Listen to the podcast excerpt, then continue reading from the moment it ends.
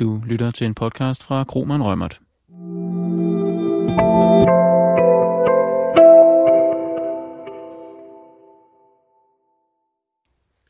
Hej og øh, velkommen til Kroman Rømerts podcast om outsourcing. Mit navn er Christel Tejlers, og jeg er advokat i vores afdeling for IT, teknologi og outsourcing. Med mig her har jeg Jan. Ja, hej. Jeg hedder Jan Using Andersen. Jeg er partner i vores afdeling for teknologi og outsourcing. Og øh, vi, vil, øh, vi vil i dag tale lidt om outsourcing som øh, lidt bredt begreb. Hvad er outsourcing? Hvorfor outsourcer man, og hvad er det for nogle typiske opgaver, man outsourcer? Og så vil vi slutte lidt af omkring nogle trends, vi ser inden for nogle bestemte områder. Ja, det skulle gerne give et godt indblik i, hvad outsourcing er, så man har en øh, god opstart i forhold til de næste øh, podcast, som vi havde tænkt os at lave.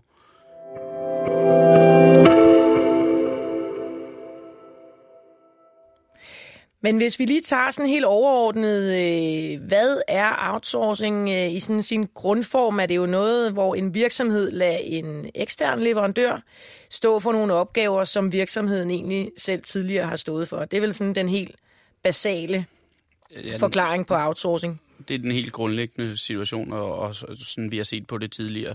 Nu efterhånden så er det jo blevet mere og mere normalt at lave det, der hedder en såkaldt anden eller tredje, eller i sågar fire generations outsourcing, hvor det ikke er opgaver, som virksomheden tidligere har øh, løst internt, eller øh, det, er jo, det er så lang tid siden, men hvor det er en tidligere leverandør, altså en, bare en, en form for indkøb af en opgave, som andre har leveret. Ja.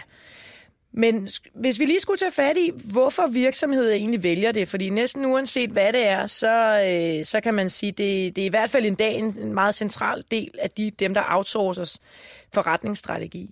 Øh, og, øh, og sådan den helt klassiske, nu er der jo mange, mange vælger det jo af nogle forskellige hensyn, nogle forskellige mål, men der er ligesom sådan øh, nogle klassiske grunde til det. Og Den, den første er jo selvfølgelig altid besparelser, altså simpelthen, de, man kan få adgang til nogle lavere driftsomkostninger, øh, eller adgang til nogle lavere øh, arbejdsomkostninger. Mm-hmm. Og typisk vil man øh, gøre det ud fra en betragtning om, at leverandøren som ekspert på området, eller som en leverandør, der har en større volumen inden for det her, kan udnytte nogle stordriftsfordele, som den enkelte kunde ikke har, og, og dermed kunne levere opgaven billigere og eller bedre, end, end kunden selv kan gøre det. Ja, det man kan sige, det har jo også lidt at gøre med sådan selve ressourcen, fordi det, det, det som det også betyder for, for nogle virksomheder, det er, at enten får de adgang til flere ressourcer, eller også, eller samtidig, så kan det gøre sådan, at de faktisk får frigivet nogle flere ressourcer internt, som man kan bruge på andre opgaver. Ja. Øh, og det bringer os egentlig lidt hen i sådan en, en anden, et andet formål, som også er at øh, sådan fokus på kerneforretningen. Det lyder lidt som sådan et buzzword, men det handler jo egentlig om, at man kan sige, du kan delegere nogle opgaver eller nogle processer, som ellers normalt vil være meget tidskrævende internt, kan du delegere til, øh, til en tredje part, og så dermed ligesom fokusere på, øh, på, på din egen kerneforretning. Ja, fokusere på, hvad der er væsentligst for ens egen forretning, og, og, og, og dermed gå lidt lidt over det, som ikke er væsentligt. Godt nok nødvendigt, men ikke det væsentligste for ens øh, kerne, eller det, man, ens inderste øh, i virksomheden. Ja. Øh, hvad, hvad, hvad tænker du egentlig, Jan, om sådan noget med, altså man kan sige, det der med at kunne fokusere mere på sin egen kerneforretning, hvad giver det også typiske muligheder for de kunder? Jamen, det, det giver jo typisk, at ledelseslagene i, i virksomheden ikke skal fokusere på så meget på deres IT-drift længere. Det, det kommer mere naturligt. Der er selvfølgelig nogen, der skal være ansvarlige for den outsourcing-kontrakt, der er der, men, men, men ansvaret kan ligesom delegeres lidt lettere ned i organisationen. Ja, og, og risikoen. Og risikoen ja. øh, mindskes derved.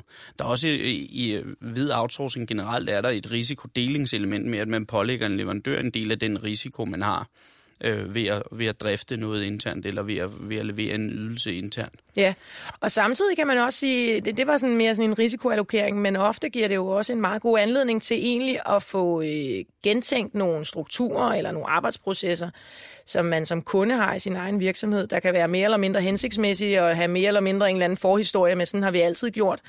Øh, og sådan et samarbejde kan udover selvfølgelig at dele noget ansvar for opgaven, også være med til lige at få sat et spejl op, øh, holde et spejl op foran virksomheden selv og få, få grænsket, om, øh, om der er øh, mulighed for nogle optimeringer. Det vil der typisk være.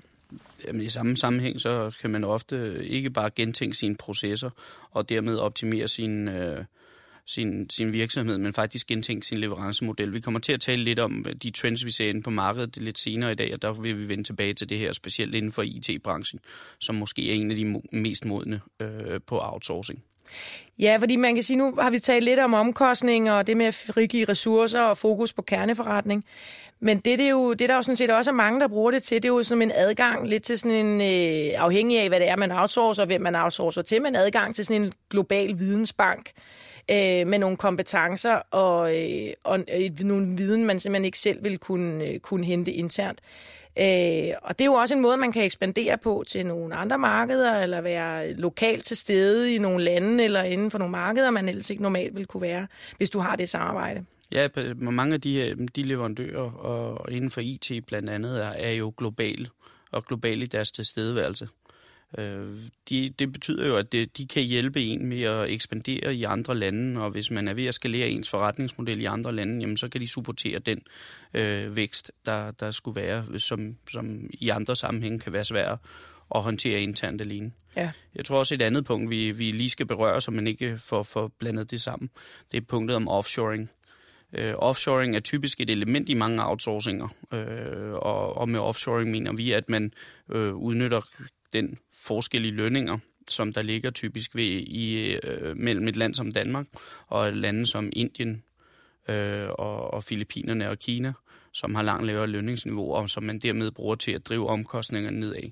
Det er et ofte brugt element i mange outsourcinger, men ikke nødvendigvis en forudsætning for, at der sker en outsourcing. Nej, fordi man kan sige, altså outsourcing behøver jo ikke at være til et land, der ikke er det land, man selv er i. Altså man taler lidt om, øh, altså du, du kan outsource til dit eget land, du kan også have noget nearshoring, øh, som måske vil være, hvis man tog eksemplet med Danmark, vil være at sige, at der var noget, der blev lagt til Spanien eller til Grækenland, altså stadigvæk inden for en, øh, inden for en geografisk, et, et vis geografisk område, og så er der selve outsourcing, som altså typisk, ja, så kunne det være Indien, Filippinerne, ja, Kina og, blandt andet. Offshoring. Ikke?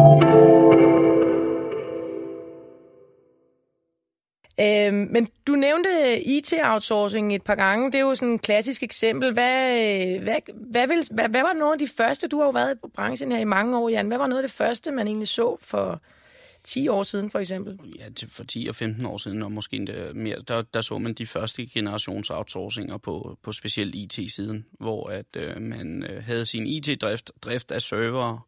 Alle, alle havde en serverpark stående i, i virksomheden. Og, og det begyndte man så, så småt at lægge ud til leverandørerne, og nu er det vel mere reglen end undtagelsen, at, at man i hvert fald som en mellemstor, øh, mindre mellemstor virksomhed ikke selv driver sin egen serverpark, men har enten en hosting-leverandør eller, eller driftsleverandør på anden måde til at varetage det.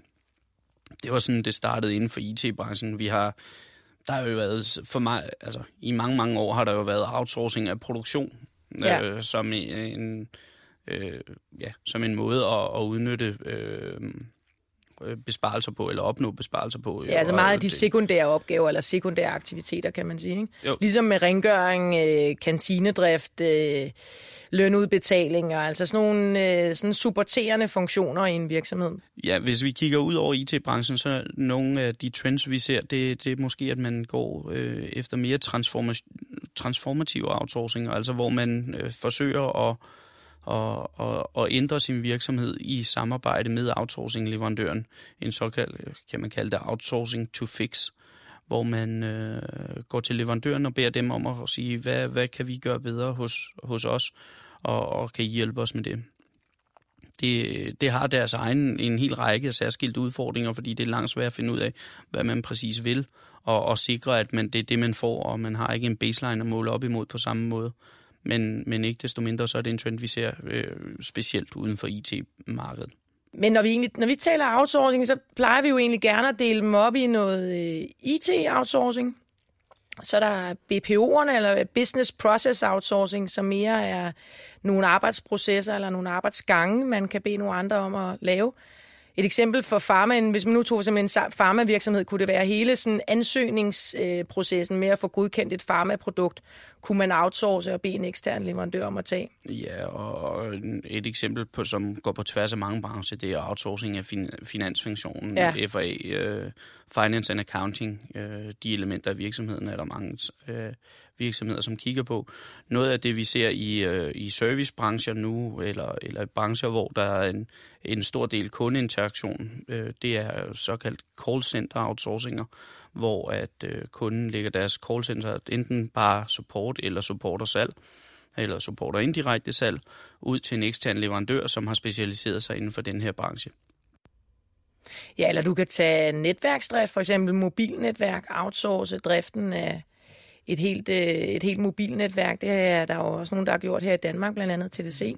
Ja, det, det, øh, det, vi var så heldige at være med til at hjælpe til TDC med den del, men det, det er det, det er et eksempel på, på en virksomhed, som i det tilfælde er gået måske tættere, end hvad mange andre ville kalde deres kerneforretning, men med stor succes har opnået at tage det forretningsområde og lægge det ud til en leverandør, få forbedret forretningsområdet, få forbedret ydelsen, samtidig med, at omkostningerne blev reduceret. Ja, men vi talte lidt tidligere om, hvad er det egentlig for nogle trends, vi ser i dag? Kan du sige øh, et par ord om det?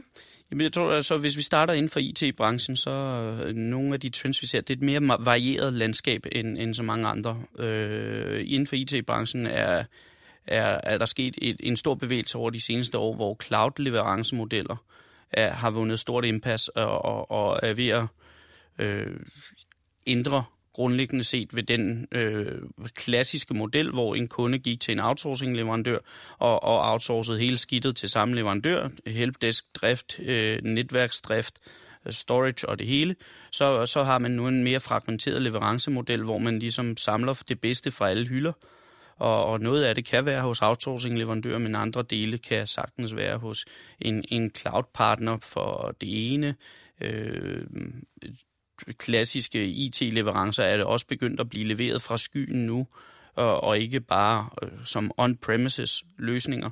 Det, det gør også, at man, man har fået flere valgmuligheder, og, og jeg ser IT-funktionen øh, eller, eller IT-chefen øh, i, i virksomheden nu blive i langt højere grad en form for service-integrator, hvor han samler de bedste løsningsmuligheder fra den øh, palette af leverandører, der nu er, og, og så integrere det frem for at have en one-stop-shop, kan man sige, hos en enkelt outsourcing-partner, eller måske to for den sags skyld. Ja, det er, lidt, det er blevet et lidt større kludetæppe i dag, ikke? Ja, lige præcis. Det, det er både et lidt større kludetæppe, men også de her muligheder har, har, giver en, en, selvfølgelig en række fordele, ellers så ville det være svært at forsvare, at man skulle benytte dem. Men, men øh, en, en række udfordringer i forhold til interaktioner mellem de forskellige leverandører i forhold til øh, integration mellem de forskellige services, som man som virksomhed modtager fra sin leveranceskar. Ja, så er der jo også en anden trend, vi egentlig også ser. Det har egentlig ikke så meget med en branchespecifik øh, ting at gøre, men, men øh, sådan egentlig grundene til, at der bliver outsourcet. Nu nævnte vi talte jo lige før om mange af de der besparelser og adgang til viden, adgang til ressourcer.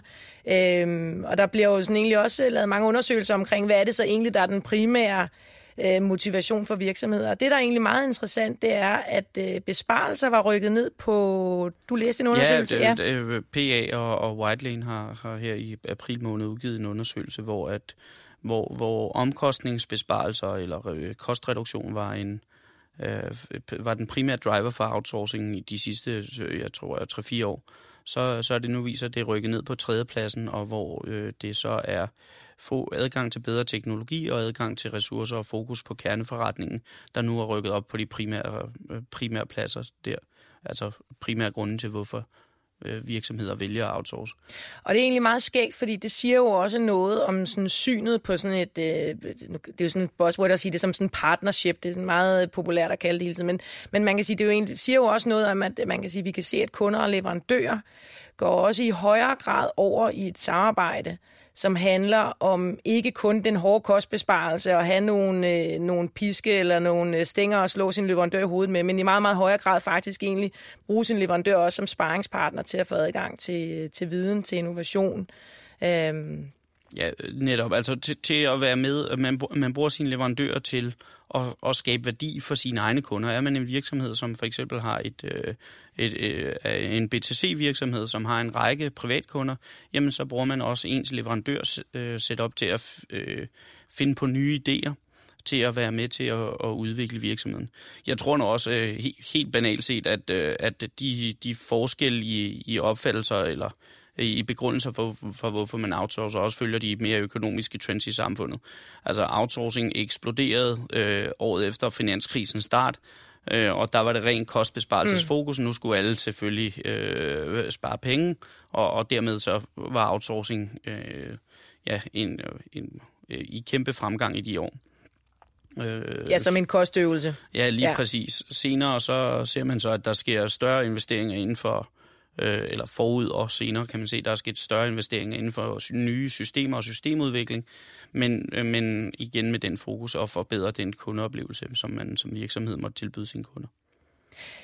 Men det var vel egentlig sådan lidt øh, sådan en indgangsbøn til outsourcing og til vores øh, kommende podcast om det. Vi har tænkt os at udgive i hvert fald øh, fire podcast mere. Ja, så vi kommer til at tale om først og fremmest, hvad, hvad, hvad skal der man gøre for at, at, at få succes i outsourcing? Hvad, hvad er der nogle gode trends, eller ikke gode trends, gode virkemidler, når man står i en outsourcing-proces?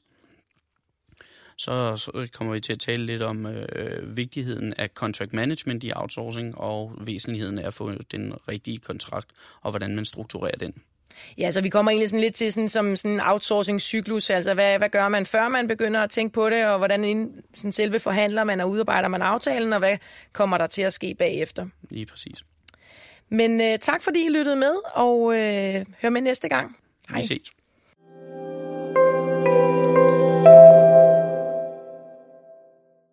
Du har lyttet til en podcast fra Grumman Rømert. Hvis du ønsker at vide mere om emnet, kan du tilmelde dig vores nyhedsbrev eller finde mere indhold her på vores lønningscenter. Du er også velkommen til at kontakte vores specialister. Tak fordi du lyttede med.